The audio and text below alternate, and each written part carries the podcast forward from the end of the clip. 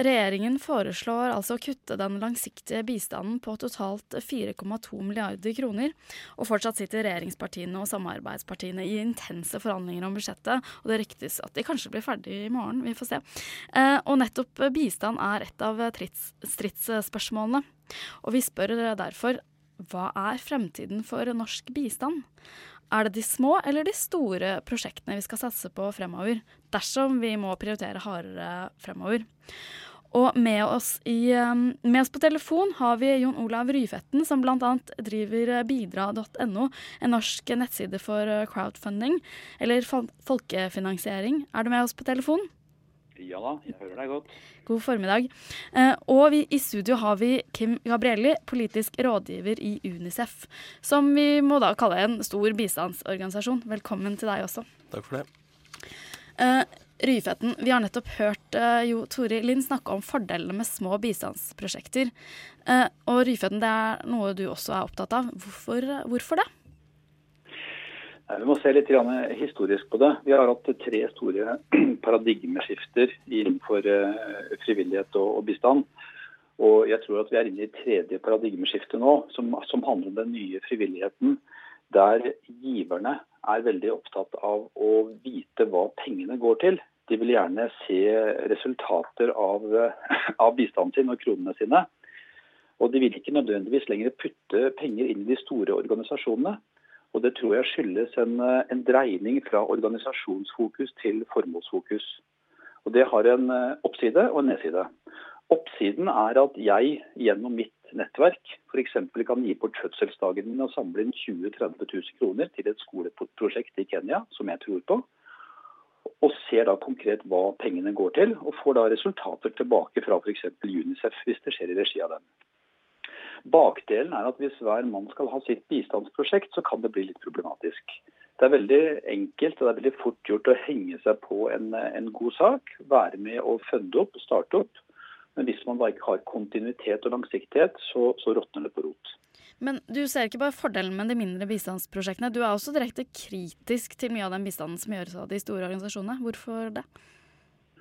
Mye av den, den bistanden som har, som har, blitt praktisert de siste 20 årene, har jo handlet om å sluse altfor mye penger til prosjekter som ikke, som ikke, fungerer.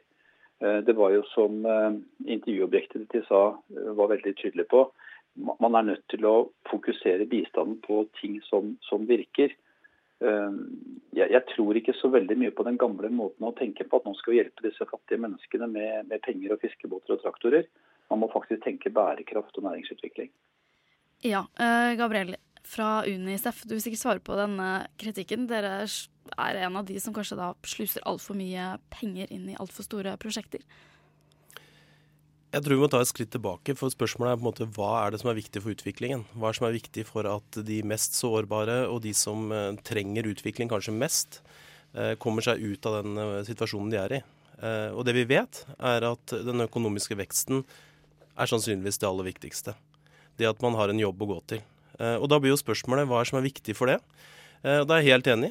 Altså, Vi må eh, fortsette å jobbe med næringsliv. Eh, lokale entreprenører, som det f.eks. kan eh, bidra til gjennom bidra.no, er veldig viktig.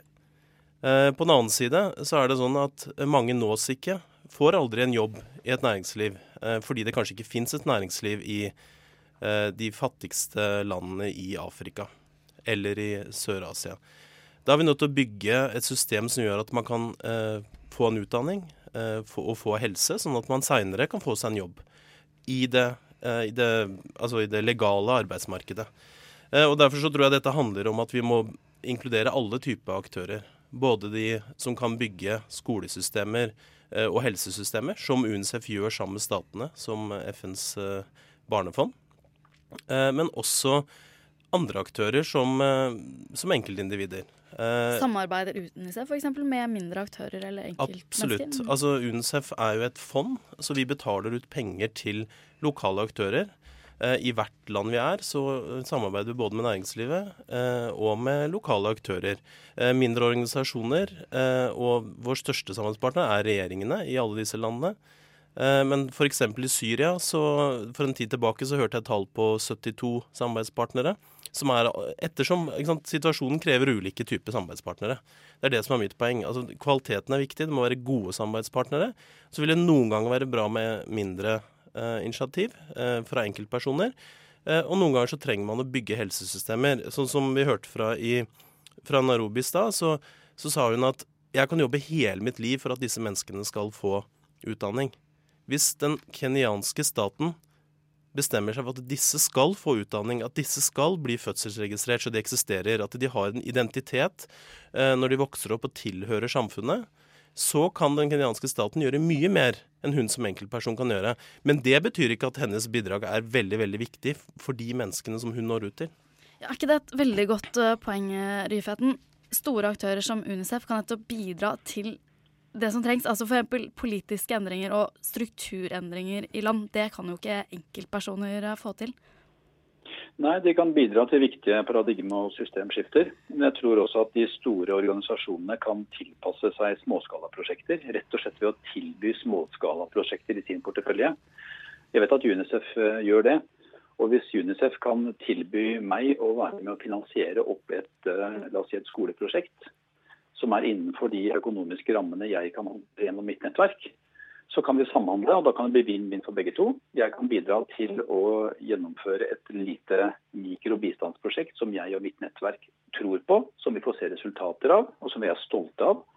Og UNICEF kan være med å påvirke og endre hele systemet og samfunnsstrukturen i landene de jobber. Så dere har på en måte ulike, ulike funksjoner? Ja, men ser du at det er et poeng at dere kanskje kan samarbeide? Altså at, at små bistandsorganisasjoner i større grad kan samarbeide med de eh, eksisterende aktørene? Ja, det, det, er det ingen tvil om. Fordi de store, tunge bistandsorganisasjonene kjenner jo landene, de kjenner systemene, de kjenner behovene. Eh, men jeg som giver vil veldig gjerne se hva pengene mine går til. Så hvis jeg da f.eks. kan funde dette skoleprosjektet gjennom UNICEF, så får jeg det jeg ønsker, og mitt nettverk får det de ønsker, og UNICEF oppnår sine resultater.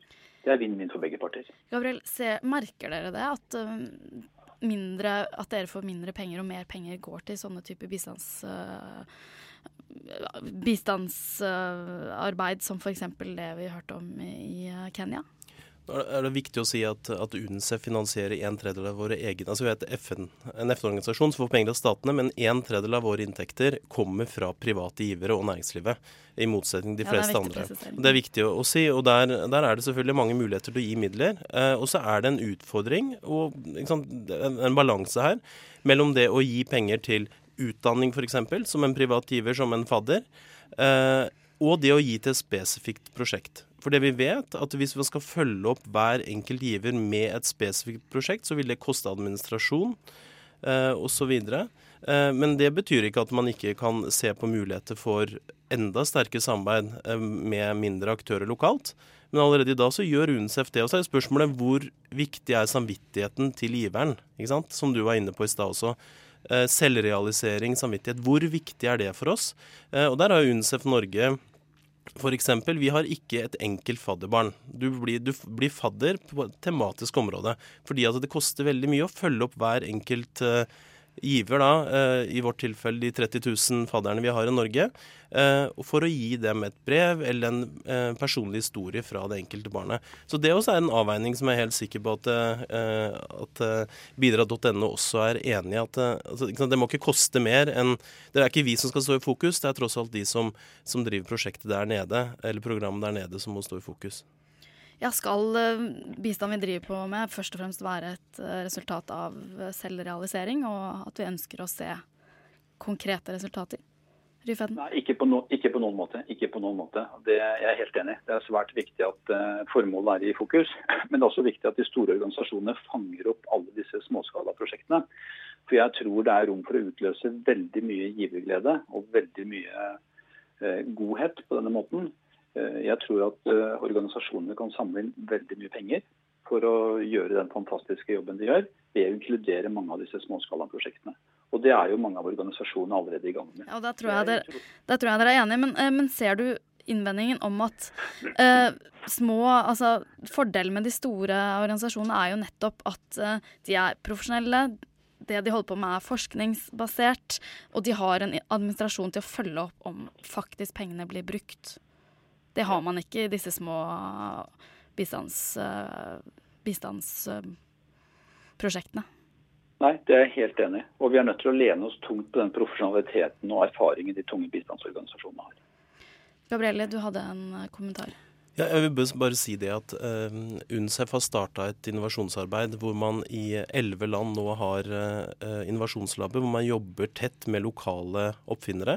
Uh, hvor man da utlyser stipender på rundt 50 000 dollar, som jo er relativt lite penger for å starte opp ulike initiativer. og da er det å se på hva er det de Altså hva mener de lokale oppfinnerne? Hva, hva, hvilke behov ser de? Og som også da er en Eh, en økonomisk lønnsom, eh, lønnsom, modell. Sånn da, For da blir, da blir jo ikke spørsmålet fungerer det nødvendigvis bare, men da blir spørsmålet kan de drive det bærekraftig. Eh, og Der har vi sett f.eks. Rapid SMS, som er en, en applikasjon som man, en, som man, bruker på SMS på mobil. For å nå ut til, til ungdom, for å få tilbakemelding på hva er det som ikke fungerer. Eh, og Det ble utvikla i Uganda, og det fungerer nå, er nå oppskalert. Det er en av fordelene ved store organisasjoner. Du kan oppskalere det til mange land. Eh, I eh, Uganda har vi 300 000 såkalte U-reporters som da melder tilbake og svarer på utfordringer. F.eks. om de har fått vaksine i sin region eller ikke, eller om hvis det har vært et utbrudd av en sykdom, så kan vi komme tilbake da til hvor oppsto denne sykdommen, f.eks. Um, Ryfeten, kort til slutt. Du har jo nå snakket om hvordan vi, altså enkeltpersoner, kan bruke eller kanalisere vår giverglede. Men nå ligger det altså an til kutt i norsk bistand. Hvordan mener du regjeringen bør kanalisere de 30 milliardene som går over statsbudsjettet? Nei, Det overlater jeg til fagmiljøene å, å bestemme det har ikke jeg så veldig mye kompetanse på. Det jeg ser er at vi kan eh, få nordmenn til å gi enda mer penger til gode formål. Og at de store organisasjonene kan høste veldig mye hvis de gjør tingene riktig. Det tror jeg dere er enige om. Da må vi avslutte der. Takk til deg, Jon Olav Ryfeten. Du driver bl.a. altså nettsiden bidra.no. Og Kim Gabrielli, du er politisk rådgiver i UNICEF.